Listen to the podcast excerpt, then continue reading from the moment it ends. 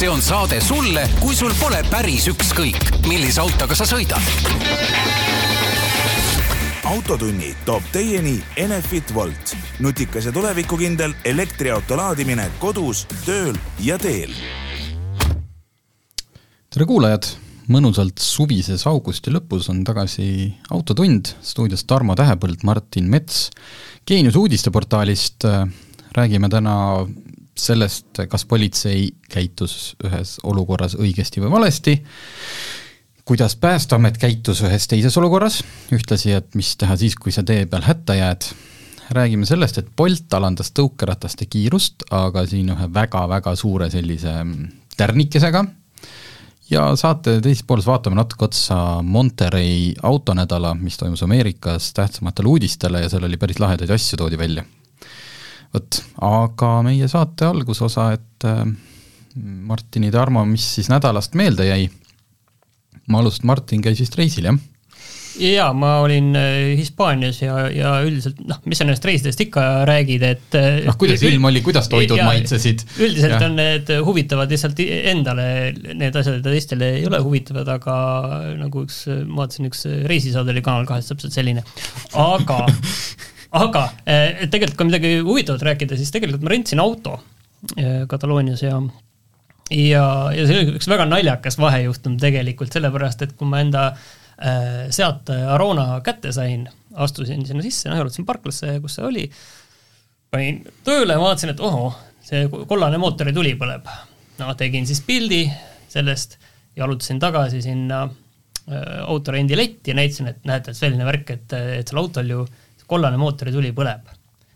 kui, noh, kuigi seal oli all hispaaniakeelne või katalooni, katalaanikeelne tekst, et eh, head reisi eh,, aga kõik nagu tundus olema okei okay. ja siis teenindaja letis vaatas mind sellise pilguga, nagu mul ei peaks üldse nagu juhilube olema, et söör, et eh, see tuli kustub ära, kui te sõitma hakkate ma mõtlesin, ma tundsin ennast nagu täiesti lollakana, et okei okay,, et ma siis lähen siis sõidan, et kui kõik on nagu okei okay ja siis peale selle, et see Seat Arona, see üheliitrise mootoriga, et peale selle, et tal nagu väga kohutav auto, siis peale sellega see mootorituli ei kadunud ära et, et ma sõitsin nelikümmend viis kilomeetrit teise linna ja, ja see ilusti põles ja, ja, ja siis ähm, noh, üldiselt oli nagu kõik nagu okei okay.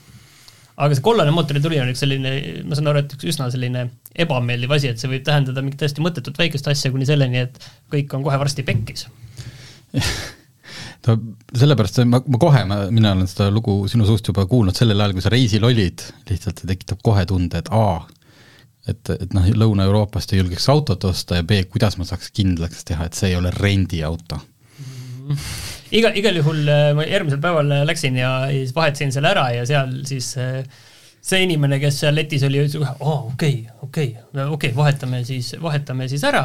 Ja, ja see Arona muidu oli tegelikult nagu väga huvitav auto, et oli äh, selline segu sellest, et äh, vähemalt see versioon on ju, et seal oli väga uhked viled ja asjad peal kõik, tagurduskaamerad, kõik asjad, ja samas oli kõik nii odav ja plastmassine ja basic nägi välja, kui üldse nagu olla sai, ja eriti hull oli see kõik nagu kiirustel kuni üheksakümmend, kui sa maanteele jõudsid nagu ja üheksakümmend ja see oli sada kakskümmend lõika, siis oli nagu kõik suhteliselt äh, okei okay. mm. -hmm. aga, aga mida madalam oli see väike mootor seal podises nii jõuetult ja õnnetult, et mul sellest autost oli samas nagu kogu aeg veits nagu, nagu kahju ka ja aga ta see jäi sul ju ikka mingi hetk seisma ka. ei, ta, selles mõttes, mis tal oli, oli see, et see start-stop süsteem ei töötanud vähemalt korralikult, on ju, et sa võtsid, ta, tal oli probleem sellega, et uuesti käima minna. paar korda, et kui see jäi nagu foori taha, siis äh, noh, tõstsid jala piduri pealt ära, et hakata liikuma, mootor käivituks, siis ta niiviisi proovis käivituda, aga siis, kui korralikult gaasi vajutasid juurde, siis ta lõpuks läks nagu käima. et ta mm nagu ise nagu uuesti ennast käima ei, ei, ei, ei tahtnud nagu võtta et mingi jama seal ikkagi oli, on ju. ja et lihtsalt natuke autodest veel rääkida, siis, siis ma sain asemele see Volkswagen T-Rocki, mis äh, tundus üllatavalt hea auto, kuni äh, paari asjani.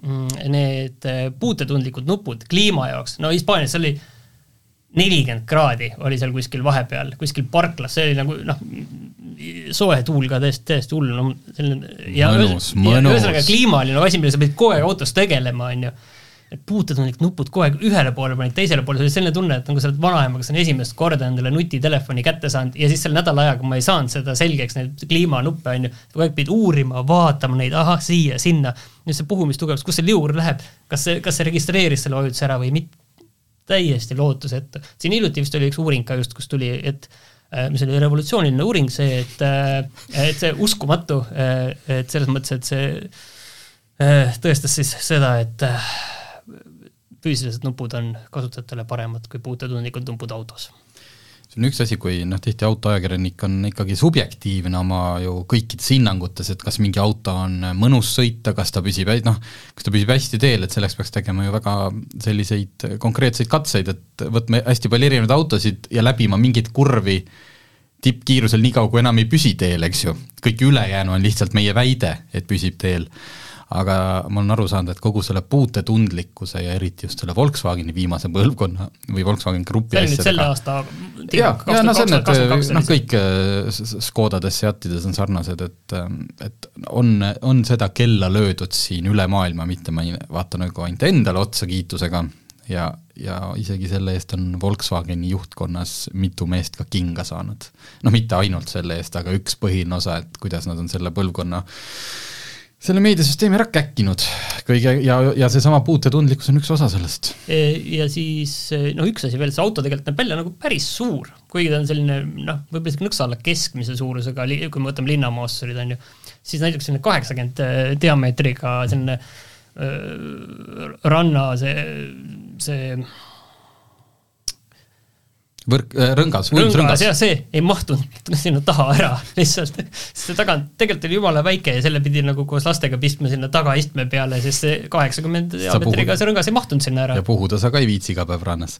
sellise palavusega hull oled niiviisi. aga, aga mis oli tegelikult huvitav võib-olla veel, olid Hispaania liiklus, et see oli minu jaoks tegelikult nagu väga üllatav, et see on nagu täiesti vastandlik, äh, vastandlikud sellised pooled on seal et ühelt poolelt jah, noh, igaüks, kes seal on käinud, teab, on ju, et need autod on kõik seal äh, mölgitud ja kriibitud, on ju, ja noh, see reegel on see, et mida odavam auto, seda rohkem see on kriibitud, uhked autod, mida seal väga palju, võib-olla see oligi see, et sellist keskklassi autosid olid väga vähe, olid kas mm -hmm. väga odavad või tõesti nagu väga kallid, nii et vaatad kogu aeg järele. et uhked, need ei olnud kunagi kraabitud. et, et seal on mingi, mingi selline sotsiaalne asi, et noh, sa natukene võid nügida neid, kellele, kes on vaesed. et sellise vaese autosid sa võid nagu nügida või neid odavaid autosid aga kallitele vaadates sa jumala eest vastu ei lähe. ja teistpidi, teistpidi on ju, ongi see nügimine, et see ja, ja kriipimine, see kõik on jumala okei okay., liiklus samas, parkimine, täiesti punktuaalne, sellist asja, et keegi kuskile läheb ja Viie Miinuse stiilis endale ajab auto kuskile kohta, kus ei või parkida ja paneb ohutuled peale, ei, noh, sellist asja nagu ei ole. et täiesti null, autod pargivad ainult seal, kus võib parkida. näiteks niiviisi ja, ja, ja seal on see järelevalve sellele on täiesti uskumatu üks mingi turismikoht oli, kus ma olin, mäest läks enne S ülesse, mõtlen, vaatan, et autod pargivad seal, okei okay., no ma panen ennast sinna viimaseks, äkki võib.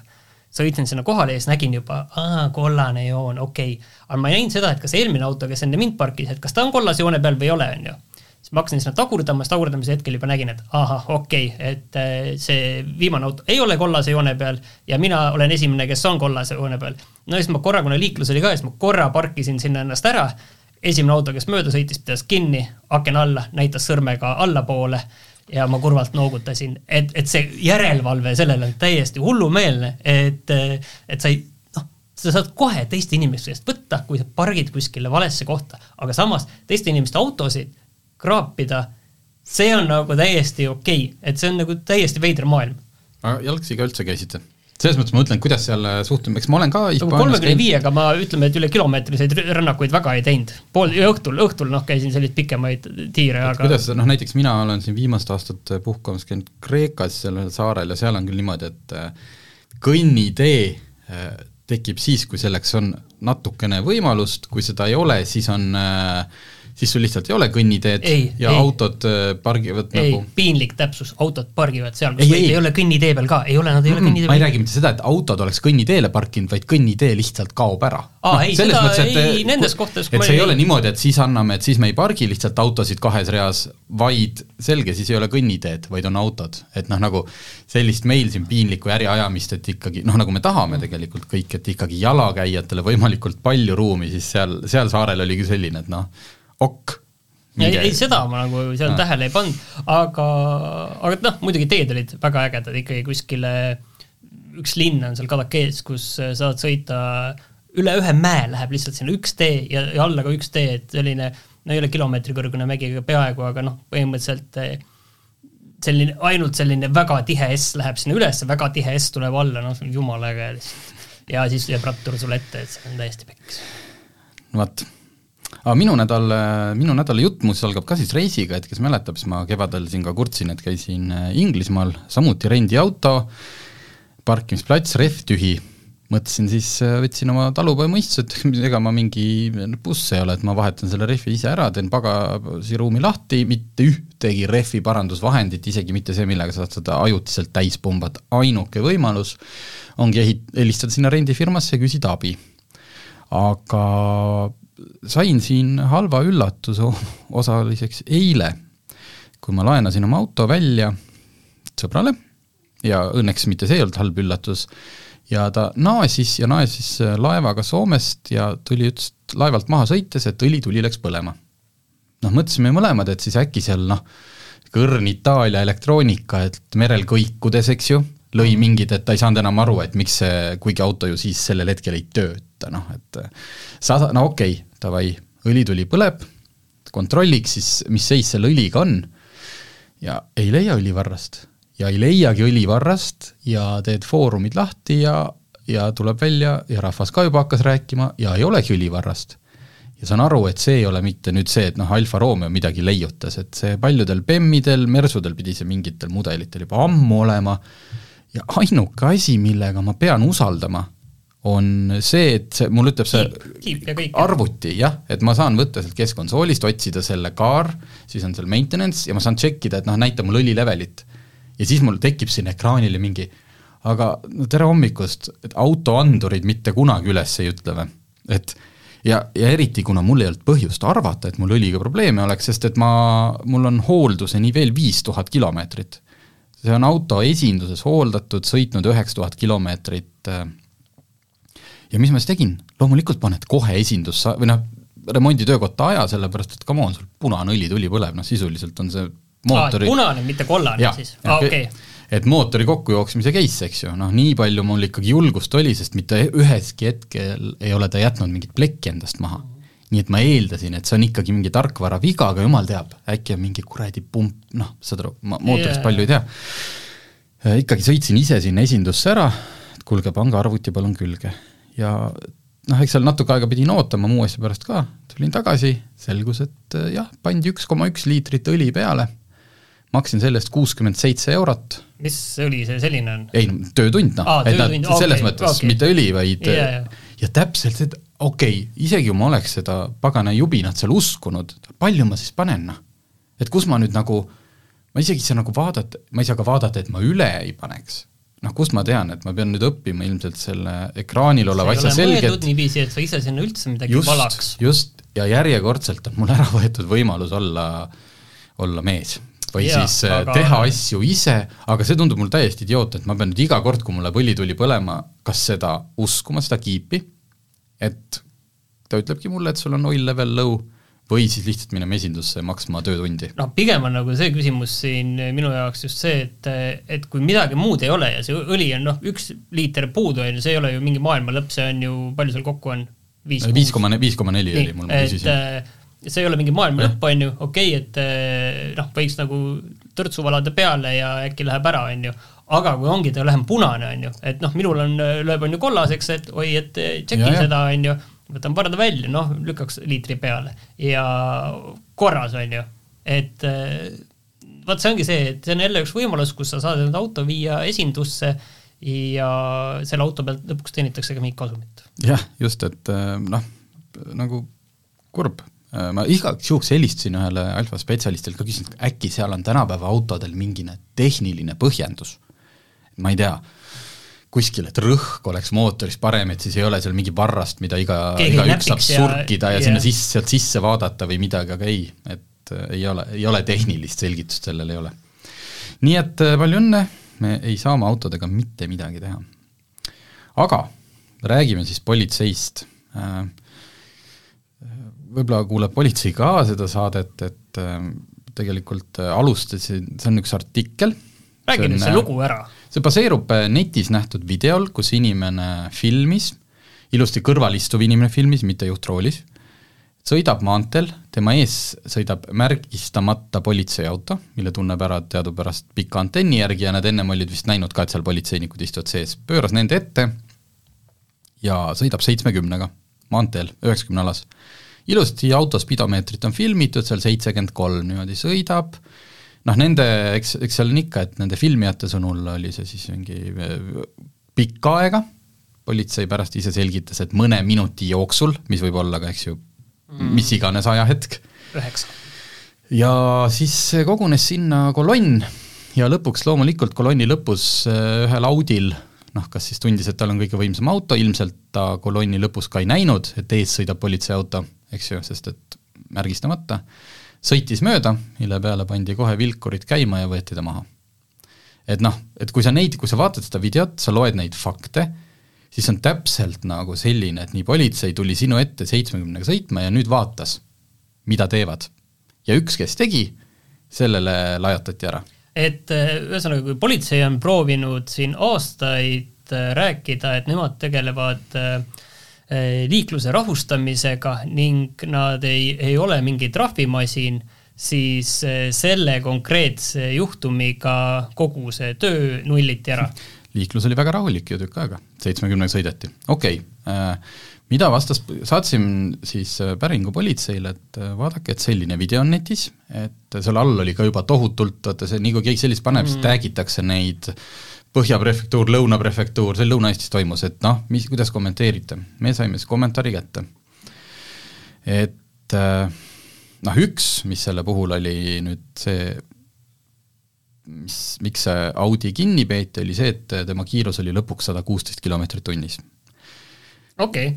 jah, korralik ületamine, samas kui seal oli sirge tee ja kõik, siis on, nüüd on see politsei kaalutlusõigus, politsei teab ise ka ta sellel hetkel, siis kui ta mundri seljast ära paneb, ta teab, et ei ole võimalik sõita teatud hetkedel ohutult mööda niimoodi, et sa jääd lubatud piiresse. okei okay,, sada kuusteist on täpselt nojah, võib-olla veits palju, aga kui sa tuled sealt tagant neljanda autona ja tahad kiiresti mööda saada ja sirge ja hea nähtavusega tee tänapäeva auto, sorry, see sada kuusteist ei ole ohtlik kiirus, aga okei okay.. vot, ma lihtsalt ütleksin vahele selle, on ju, et ennem kui me siit edasi lähme, et, et tegelikult ju kui su taha tekib kolonn ja sa sõidad aeglaselt, siis sa peaksid sa mööda just. laskma ja kui sa seda põhjendamatult aeglaselt sõidad, siis ma mäletan, et politsei on ka meie autogeeniuse portaalile öelnud, et sellise asja eest võib trahvi saada. nii, aga miks politsei aeglaselt sõitis? ja nüüd tuleb see kõige kummalisem lause piirkiirusest kinnipidamise kõrval kontrollisid politseinikud muuhulgas sedagi, kas masinates kasutatakse turvavarustust ning ega roolis olles tegeleta kõrvaliste tegevustega ning seetõttu liikus politseisõiduk trassil mõne minuti jooksul lubatud kiirusest mõnevõrra aeglasemalt.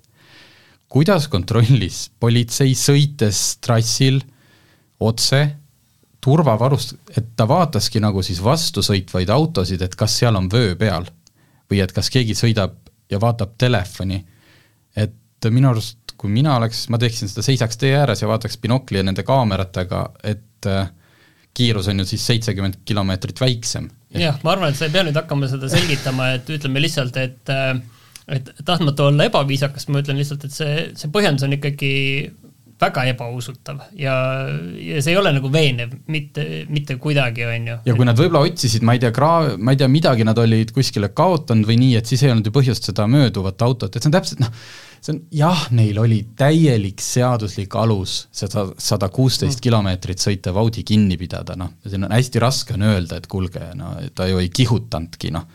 jah, sõitis jah, natuke üle, sest ta läks mööda, aga teie olite seal ees ja teil on sellel hetkel vaatate, kas see on nüüd noh, et vaata, vaata, vaadake peeglisse, et kas see, meil ei ole siin mingit süüd praegult sellel, et see Audi kihutama hakkas. ja, ja põhiline on see, et ma vaatasin, et tehakse iga aasta neid uuringuid, tellivad erinevad asutused, et politsei on viimastel aastatel hoolimata sellest, kui sul, kuigi sul võib Facebookist või kuskilt jääda mulje, et kuradi mendid ja blablabla, eks ju, oleneb, mis, mis ringkondades sa liigud, on politsei usaldusväärsus kaheksakümmend seitse protsenti. Mhm. ma lugesin Ekspressist, oli hiljuti Ekspressis, oli, Eesti Ekspressis oli ka lugu sellest äh, Mm, ülemiste kohtumistest ja kuidas politsei seal käib ja, ja tundus, et äh, on nagu väga mõistlik suhtumine ja. kogu asja ja ongi see, et kui keegi kuskil pärast linna vahel kiirendades äh, kätte saadakse, et jah, võetakse ette, kõik teavad seda, aga, aga see on üldine suhtumine nagu väga, väga mõistlik, on ju kõik. Ja, ja selles mõttes ongi nagu erakordselt kahju, see on üks juhtum, et üks asi, on ju, aga selle nagu see mainekahju on tegelikult olnud ikkagi erakordselt suur, sest kogu see see, see lugu ikkagi äh, äh, jõudis nagu väga paljude Eesti inimesteni ja see läks korda just selles mõtmes, et,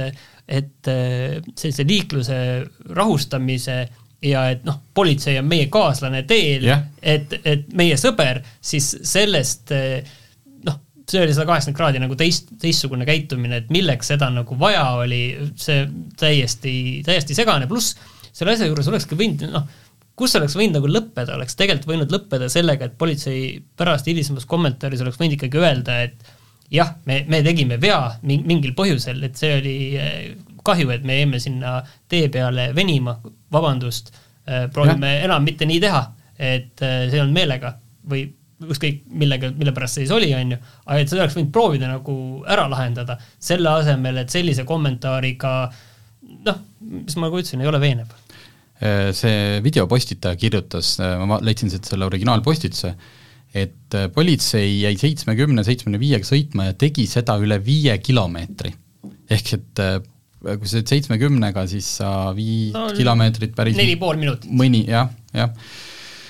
et sama ja täiesti okei okay,, pidasid kaudi kinni ja võib-olla ma ei tea, siin ei ole seda öelnud, aga ma oleks siis võib-olla pari, noh, mis nad oleks saanud teha, et kuule et järgmine kord möödu ettevaatlikumalt, et sada kuusteist on palju, kuule. Lähme sõpradena laiali. me tegelikult seda ei tea võib, võib-olla ei tehtud trahvi, just, tegelikult okay. ütleme nii, et me tegelikult seda ei tea. nii et äh, ei, politseinikud peatasid masina, juht oli kaine, omas juhtimisõigust, ent kiiruse ületamise eest vormistati talle kiirmenetluse otsus. selge. Siis me teame ikkagi, jah. Ühesõnaga, siis muidugi oli seal all palju kommentaare, et oo, seal Lõuna-Eestis nii tehaksegi, ärme noh, me, me ei saa, et, et kui tõendit ei ole, siis me, me ei hakka seda siin käsitlema, aga lihtsalt üks juhtum ja palju õnne äh,, politsei, et noh, te liikusite nagu seal tsirkuse mängus, kas nüüd seda, tervet seda pikka redelit pidi, mis on see lauamäng mm, -hmm. mis tuleb sealt ülevalt viimase ree pealt alla, aga noh, üks, üks paar rida kukkusite küll. küll aga üks teine Eesti äh, asutus, häirekeskus, äh, kohe tuli otsa teine lugu, jällegi Facebooki põhjal, äh, Lauri Viikna kirjutas, et äh, iseenesest selles mõttes noh, tõesti kurb lugu, tulid pimedas, põrkasid kokku põdraga. tal oli seal piltide peal oli näha Mersu, V-klassi Mersu buss. Ja noh, juhu, lihtne, põdraga põikad kokku, su auto tõenäoliselt edasi ei sõida. Nad olid keset teed, seal oli see põder ja tagaluuk ei tulnud ka lahti, sa ei saa ohukolmnurka kätte sa oled täiesti, sul on lapsed autos, sa oled pimedas äh,, nagu ta ütles, siin rekad sõidavad suurel kiirusel mööda Tallinn-Pärnu maantee, helista häirekeskusse ja, ja üritas olukorda selgitada, et oleks vaja politseid, kes tuleks siia liiklust korraldama. Ja talle öeldi, et ei, ei, et kui on vigastatuid ei ole ja metslooma kokkupõrge, siis politseid välja ei saadeta, sest et noh, see on siis noh, ei ole vaja saata. madal prioriteet. jah, ja oligi, et nad seal jooksid umbes taskulampidega edasi-tagasi, et keegi neid märkaks ja ootasid, et siis puksiir järgi tuleks ja umbes tund aega kestis selline olukord.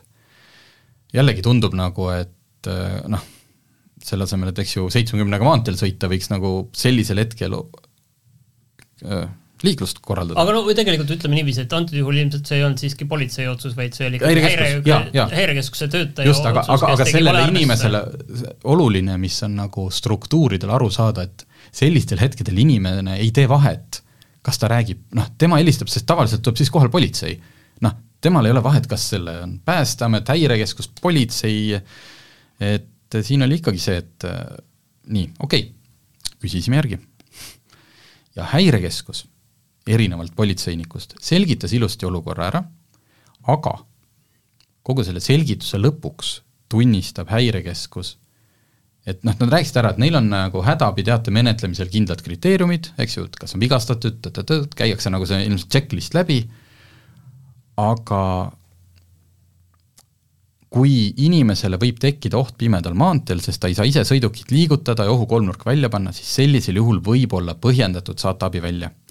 häirekeskusel on väga kahju, et inimene tundis, et jäi hädasse, kindlasti nad äh, annavad sellele olukorral hinnangu, nad vaatavad oma need käitumisreeglid üle, ta ütles, et kindlasti õppimiskohti tulevikuks, teeme järeldusi ja parandame oma seda flow'd, et lihtsalt, et äh, et häirekeskus tunnistas, et jah, tegelikult, et äh, nende viga jah, et nad ei saanud või siis selle kõne vastuvõtja ei osanud äh, olukorda hinnata, vaid ta käis ilmselt siis liiga palju läbi seda checklist'i ja kuna ta ei saanud ühtegi linnukest sinna tehtud, siis ta politseid välja ei saatnud, kuigi tegelikult reaalne oht oli olemas mm. -hmm. ja siit on lihtsalt õppetund, et me teeme tegelikult äh, varsti ühe loo ka sellest ilmselt võib-olla maksumüüri taha ei panegi, et kuidas käituda, kuidas helistada, sest see on, seda räägib mul abikaasaga just autokoolis, ka seal äh, räägitakse täpselt ikkagi noh, kuidas on see kõige kindlam viis oma sõnumit edasi anda, loomulikult kui sul on olnud raske avarii, siis sa oled šokis ja noh, sellisel juhul politsei nagunii juba, juba on teel.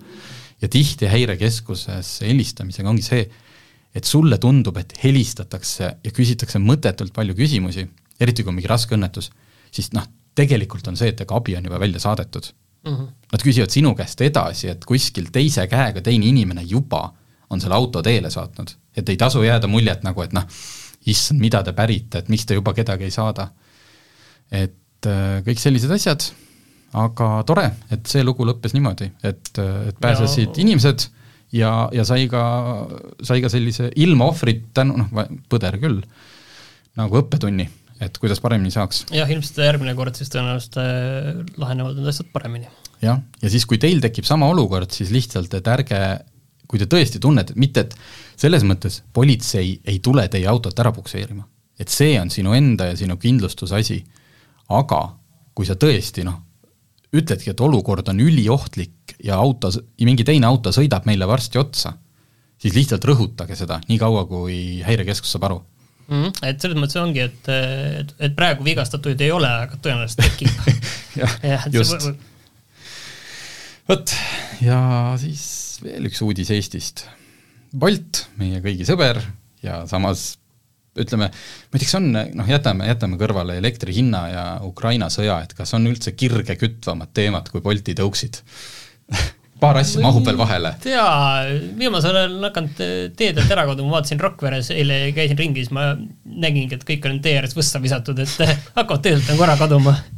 jah, suve lõpuks on katki sõidetud ja uusi ei asendata. suvi hakkab läbi saama, see on nagu vaata need ritsikad ja, ja, ja kõik ja, need muud ja. putukad, et nad vaikselt hakkavad ära surema välja. ja, ja see on see ju see, et rahvaluuletused, haned läinud hallad, hallailmad, kured läinud kurjad ilmad ja luiged läinud lumi taga, eks ju, siis kui need tõuksi firmad hakkavad ka ära minema, et Prime läinud siis on tuul läinud. oot, üks Prime'i ma nägin siinsamas jaa, ei, ei, ma mõtlen sügisel, et kes esimesena ära võtab, kuigi eelmine aasta vist olid nad kõik lumega peal olid mingid maa ei, osa, osad üritasid, tuul ja need vedelesid minu arust talv väljas, lihtsalt mingit noh, karmidel ilmadel no, keegi ei kasutanud ja see on võib-olla lihtsam, kui kuskil neid kokku korjata ja sügisel, kui hakata kevadel hulle välja tooma ja, ja kuskil neid hoidma. vaata, kuna tuul ise toodab ju nagu noh, neid müügiks ka ja niimoodi ja neil on see akuarendus Co-module'iga koos, siis et noh, siis on lihtsalt, see on hea nagu testiplatvorm, et noh, las ta vedeleb siis kaks nädalat seal õues, et saamegi teada, kuidas ratas vastu pidas. nii, aga räägi, mis siis Boltiga toimub? Äh, eks nad siis püüavad ju natukene noh, vastu ka tulla.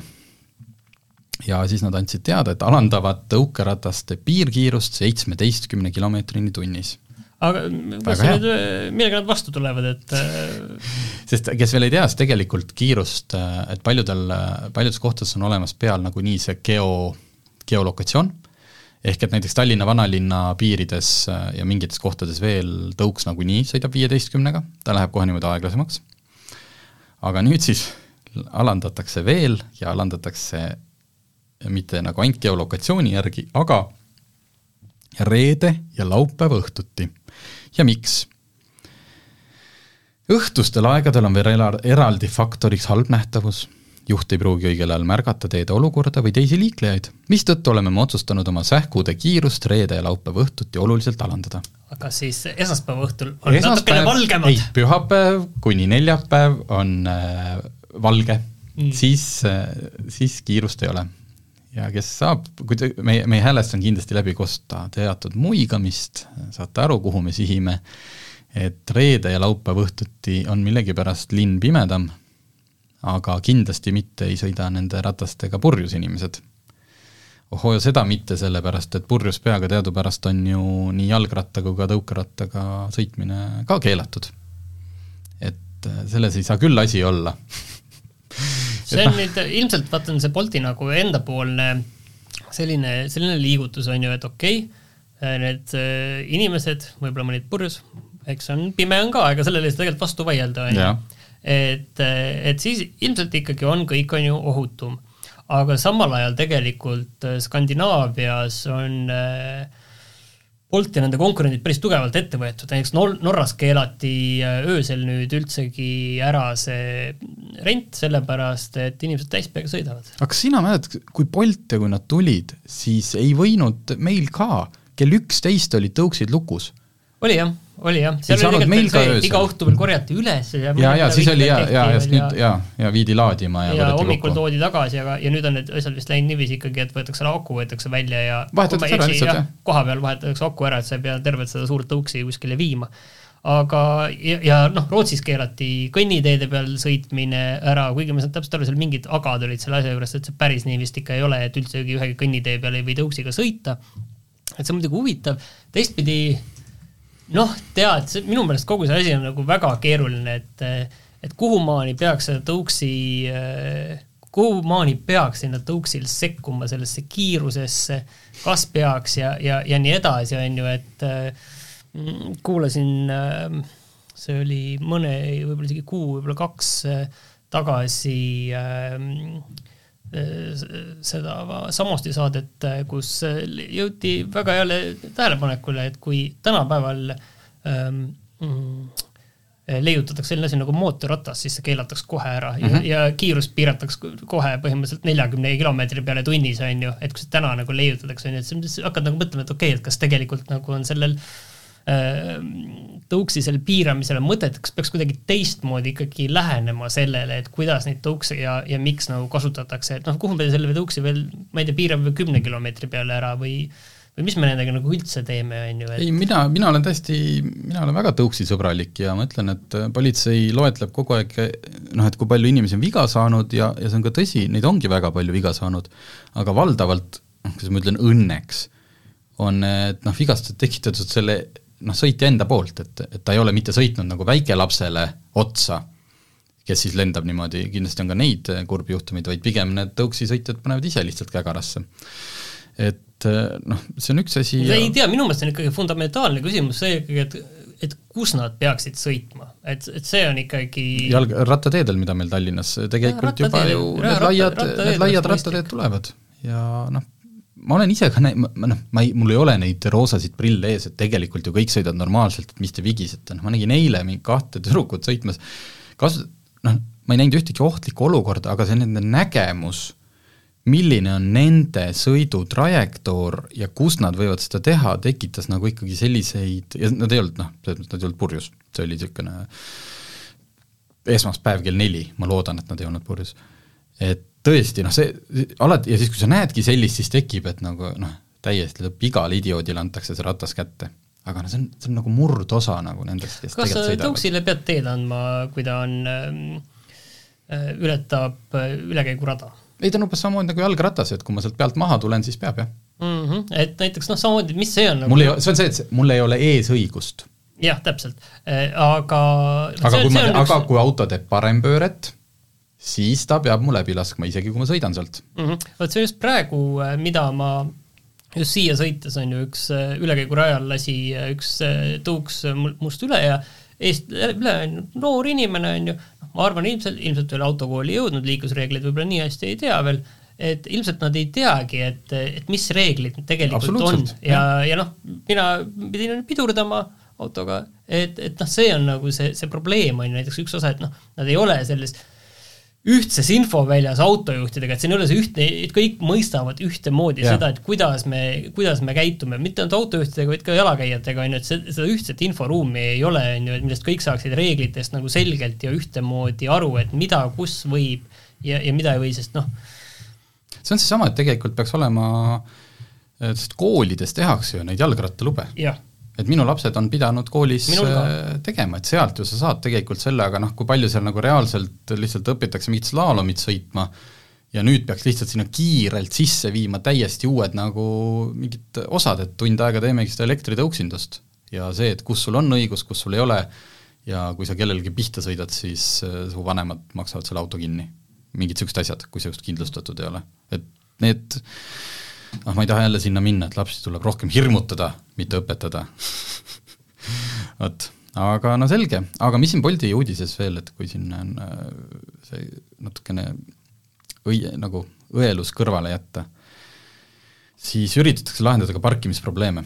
et on laiendatud alasid, kuhu tõukerattaid parkida ei tohi, näiteks ohutus saartel, keerulisemate ülekäiguradade läheduses täiesti õige, sest noh, ma ei tea, milline, milline ajukääbik jätab, eks ju, jalgratta keset või selle tõukeratta keset nagu ohutussaart. olen näinud. no on muidugi, ma olen ka näinud, lihtsalt tekibki küsimus aju kapatsiteedis äh,. Selles mõttes, et ma arvan, et Boltil on nende inimeste andmed teada, kes äh, ja nende kapatsiteedi kohta. ja testimisjärgus on ka tehnoloogiline lahendus, mis teeb kindlaks valesti pargitud tõukerattad kui meie tehisintellekt tuvastab valesti parkimise, saadetakse kasutajatele märkus ja juhis korrektse parkimise kohta. see muidugi kõlab ka hirmutavalt, et Bolti tehisintellekt, intellekt hakkab arvama, et kas ma olen õigesti või valesti parkinud, aga, aga see selleks tegelikult no, see on vähemalt tehnoloogia areng ja las nad noh, tore, tore asi, mida katsetada ja, ja, ja noh, siin, siin ei, siin ei ole nagu sellist äh, väga, väga kuskilt nagu õelutsemise kohta, et väga tore. Äh, üks asi veel, mida Rootsi tegi, oli see, et äh, tõukerattaid võibki laenutada ja neid tagasi viia kindlatesse kohtadesse. seda, et ma jätan nagu nad suvalisse kohta, on ju, et seda nagu üldsegi ei ole, noh, seesama vaatepilt, mida me näeme, on ju, et kui ma jalutan siitsamast meie Volta üks äh, toimetusest jalutan sinna Balti jaama, et siis tee ääres on äh, igas erinevas äh, poosis tõukse võib leida, püsti, tagurpidi, külili ja nii edasi, et et nad lihtsalt saavad olla ühes kohas. ja mitmes kohas on need ka maha, maha joonitud, ilmselt ja, mingite, ma ei tea. aga need on soovituslikud ja. täiesti ja või need on need kohad, kuhu Bolt ilmselt ise nad mingi hetk paneb, on ju, või siis ka teised äh, tõukeratta rendiettevõtted. aga, aga et need ongi ühed kohad, kus saad võtta ja ühed kohad ja samad kohad on ju, kus sa pead tagasi viima ka. ma saan aru, et see natuke seda kasutusmugavust tegelikult, see, et võtan suvalisest kohast, jätan suvalisse kohta, et seda see kindlasti nagu vähendab, on ju lihtsalt nagu see, see küsimus tekib inimeste inimeste lolluse kohta, et need, kes neid jätavad suvalisse kohta ja need on ju ise need tõukside kasutajad, järelikult neile meeldib, et need ei ole ju mingid ludiidid, kes on nagu ise vihkavad neid tõukse ja siis käivad, veavad neid suvalisse kohta, et näidata, et näete, kui ohtlikud need tõuksid on. et noh, kui te nagu parkima ei õpi ja kui te lollust teete, siis kurat, tulevadki ju keelud peale ja te ei saa enam neid kasutada. Selline, ärge tulistage iseendale põlve, noh. odava ühisvara kasutamine, et inimestel on suva aga mis asi ei ole odav ühisvara, vahetan sujuvalt teemat, nagu professionaalne saatejuht. Äh, Ameerikas toimus Monterey autonädal, mis on peaaegu sama kõva asi, nagu on Inglismaal Goodwood Festival of Speed. Äh, ilusad ja rikkad inimesed tulevad kokku ja ta on natukene, kui Festival of Speed on äh, rohkem rahvaüritus, Äh, piletihindade kõige mõttes, ma saan aru, et Monterey Car Week on paljudes asjades ikkagi selline suhteliselt elitaarne koht, vähemalt piletid on kallid, hotellid sellel ajal on kõik väga kallid, aga las see olla. Äh, selle käigus pandi oksjonile Porsche enda ehitatud üheksasada üksteist Sally, ehk siis see Pixari auto. kas sellel on siis nüüd ma vaatan, kas me eelmises saates sellest, me ei ole sellest vist rääkinud, sellest aga sellel esiklaasil on siis filmad? ei ole. tegelikult on seal, ta lihtsalt on tehtud üksik erimudel, moodsa Porsche põhjal, kuigi Sally selles Pixari autode multikas oli üheksa, üheksa, kuus põlvkond, kes teab need niisugused praemunakujuliste esituledega, kahjuks nad neid praemunasid, kuigi nad ei ole väga ilusad, ei teinud, vaid võtsid moodsa Porsche, tegid ta samasuguseks siniseks, sarnased väljed, noh, niisugune kuskil taga see, kui see tagatiib tõuseb üles, seal all on siis tätoveering, nagu Sallil oli, noh, sellised hästi peened, aga tegelikult hästi stiilselt tehtud. Äh, rattaventiili korgi peal on Pixari märk ja no nagu niisugune noh, ühesõnaga selline äh, viisakas versioon kokkuvõttes, millel on väiksed detailid ja aga see No ainu, värvi. ainueksemplaar ja see kõik oleks väga noh, kuidagi kummaline, kui see oleks tehtud näiteks väike seeria, et kakskümmend viis tükki, aga tehti ainult üks ja pandi oksjonile ja pandi heategevuslikule oksjonile. Osa äh, rahast läks näiteks ka Ukraina sõjapõgenike heaks. ja vot kui sellisel hetkel makstakse tegelikult tehnilises mõttes tavalise Porsche üheksa üks üks GTS, mis on selline, ma ei viitsi lahti lehte võtta, aga sada viiskümmend tuhat ja siis lisad juurde auto. mitte üldse noh, mingi GT3 RS erimudel, vaid tavaline GTS. Selle eest maksi oksjonil kolm koma kuus miljonit dollarit. ja see on selles mõttes kihvt et äh, totter oleks siis, kui lihtsalt keegi nagu üritab järjekordselt kõiki asju omal kokku ahnitseda ja, ja nagu niisugune imelik, aga kui heategevus, siis äh, minu arust õudselt tore, et Porsche selle ehitas, sellega käib kaasas, omanik saab seal, seal on tehtud sellest väike lühifilm, kuidas seda autot tehti, ainulaadne käekell, autokate, millel ilmselt siis on need sällisilmad peal, et sa saad oma sellele uuele üheks üks ühele tõmmata selle katte peale ja sa oled nagu sälli kujuta ette, kui mõni lap-, noh, mõni laps see, kui seda autot päriselt hakatakse kasutama ja isa sõidab koju sellega, et ütleb, see on sälli erimudel, Porsche ehitas sulle, mu poeg. Või siis, tütar. ja siis on see asi, vaata, kui laps saab veel kaks või kolm aastat vanemaks, siis tal on piinlik, et ta käpapatrulli vaatas. Või noh, põhimõtteliselt sarnane, sarnane asi, mis ma ei ole kunagi seda vaadanud, ei ole huvitanud, on ju, ja siis samavasti on selle kolm koma kuus miljonit maksvad selle Porschega, et auto, pole kunagi vaadanud, ei huvita, tegelikult ka vaatasin, ei mäleta. vot nii et selline auto siis tehti ja müüdi ja kõik läks väga hästi. Mis seal siis Monterey's veel silma jäi?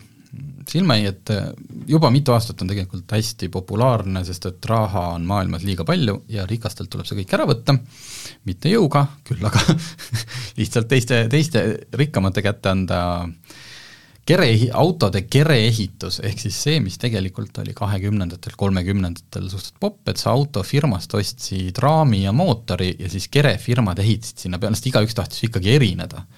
keegi ei taha hall metall, diisel, automaat, metallikut.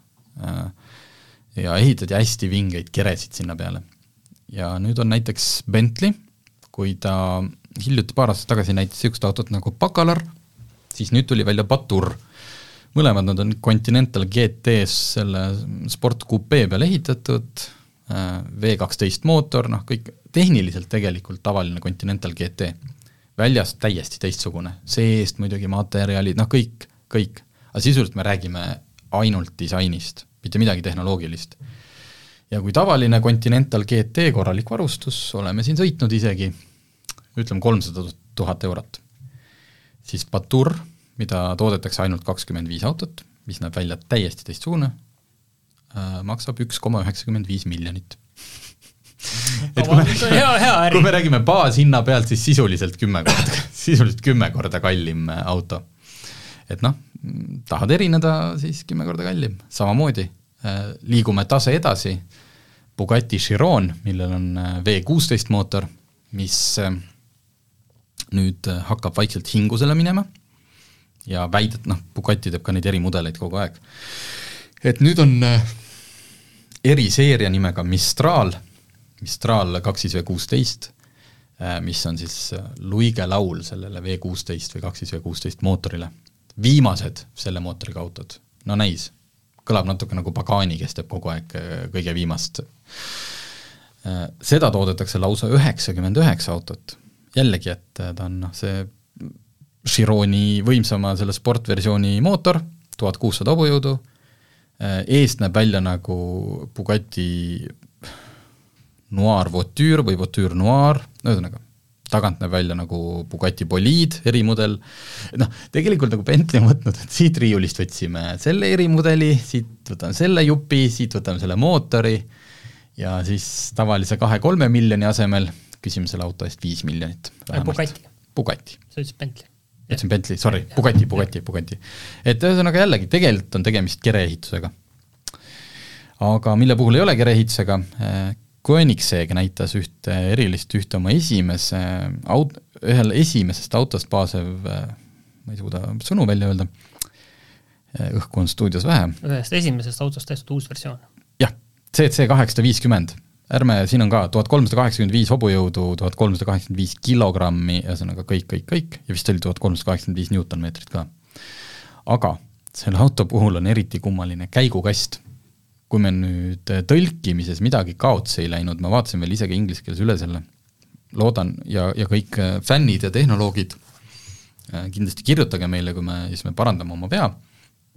Ja huvitav, kas Koenigsegi tehases ka praegult mõni eestlane on, sest see on äh, tuntud nagu selle poolest, et äh, Eesti näiteks tudengivormeli tiimist on sinna läinud mitmeid mehi tööle ja, ja siis tulnud edukalt tagasi. aga käigukast, mis on üheksakäiguline äh, automaatkast, aga kui sa, kui sa ei taha, kui sa tahad, et sa oled ikkagi, sina oled kõva mees, sina vahetad käike ise ja siis noh, muidugi sa saad automaatkastil ka Äh, nende mm -hmm. labadega või, aga ei, sel autol on olemas füüsiline käigukang, kus on kuus käiku, nagu nendel vanadel Ferraridel, Lamborghinidel, see gate, et noh, ühesõnaga need. Mm, -hmm. sul on kuus käiku, saad ise manuaali peal ümber lülitada, vahetad ise ja mitte ainult, tal on nagu kaks eriversiooni kuuekäigulisest, kiirem ja aeglasem, et sul on veel nagu kaks eri ülekandearvuga vist käigu, nagu noh. Eh, selles mõttes, kas need ülekanded on füüsiliselt siis kuidagi nagu erinevad selle ala, ei saaks nagu olla tegelikult? ei olegi füüsilist ja, ja Koenigs, Kristjan von Koenigs ise ütles, et äh, nende eesmärk on üks parima käigukangi ja, ja see on siduripedaal ka. siduritunnetusega auto, kuigi tegemist on tegelikult automaatkastiga autoga. aga sa saad mängida, et sul on nagu manuaalkast, mis tegelikult ei ole manuaalkast. ehk siis nagu keegi välismaa autojuht hästi tabavalt tähendas, et et Koenigsegg mõtleb iseendale välja kõige jaburamaid probleeme ja siis lahendab need ära. et noh, igaüks võiks mõelda, et kuule, aga teeks nii, aga Koenigsegg mõtleb, aga teeme. ja teevadki, noh, et nad on nagu täiesti hullud vennad. et noh, näis, et maailmal on ilmselt ka selliseid hulle leidureid vaja. ja lõppu võib-olla siis veel üks, neid, neid resto, noh veel, et kui tehakse kereehitust, siis teine popp asi on resto mood ja eriti Porsche üheks üks, üks mudelite erinevate resto moodimine, kõiki me ei hakka siin kajastama, küll aga jäi silma brittide Dut-, Duthill, kes toodab äh, peamiselt muidu võidusõidu Porschesid, tegid ka ühe. Vanema Porsche, äh, selle puhul on hämmastav see, et see auto kaalub kõigest kaheksasada viiskümmend kilo, noh, vanasti olidki autod kergemad, ta on, äh, issand, ma ei mäleta, mis aasta ta baseerus, piltide järgi tundub mingi seitsmekümnendate, aga oota, oota, oota, oota äh,, no ei leia kiirelt, ühesõnaga natuke vanem Porsche. Äh, võrdluseks võib tuua, et tänapäevane Porsche selline Turbo S kaalub täpselt kaks korda rohkem, tuhat kuussada kilo. saad aru, kaheksasada viiskümmend kilo. kaheksasada viiskümmend kilo kaaluvad tänapäeva kõige kergemad mingid pisikesed autod, Äh, ma ei kujutagi ette, kas Eestis niisuguse üldse müüakse, mingi Fiat viissada on ka kindlasti rohkem. ja tema mootor, mis on äh, kolme koma kuueliitrine, mitte kuueliitrine, kuuesilindriline, kolme koma ühe liitrine ja selle mootori piiraja tuleb ette üheteist tuhande peal. ehk siis kes, äh, kui, kui, kui rääkida kriiskavatest võidusõidumootoritest, siis üksteist tuhat pööret on kriiskav võidusõidumootor. täpseid võimsusnumbreid ei ole, see ei olegi oluline, sest ilmselgelt see auto eesmärk ei ole noh, olla kõige ma ei tea, nullist sajani kõige kiirem või kõige suurem tippkiirus, vaid ta on lihtsalt nii eriline ja ma arvan, et äh, kindlasti ka ülikallis. aga kujutage ette, kaheksasada viiskümmend kilo. vot, aga Monterey auto nädalast praegult rohkem siit ei võtakski, et äh, saadet ju on tehtud ka juba ja ja kindlasti oleme seekord äh, varem tagasi, kui siin vahepeal üks paus jäi. aga on ju suvi ja nautige, sest et sooja jätkub veel päris mitmeks päevaks. autotunni toob teieni Enefit Volt, nutikas ja tulevikukindel elektriauto laadimine kodus, tööl ja teel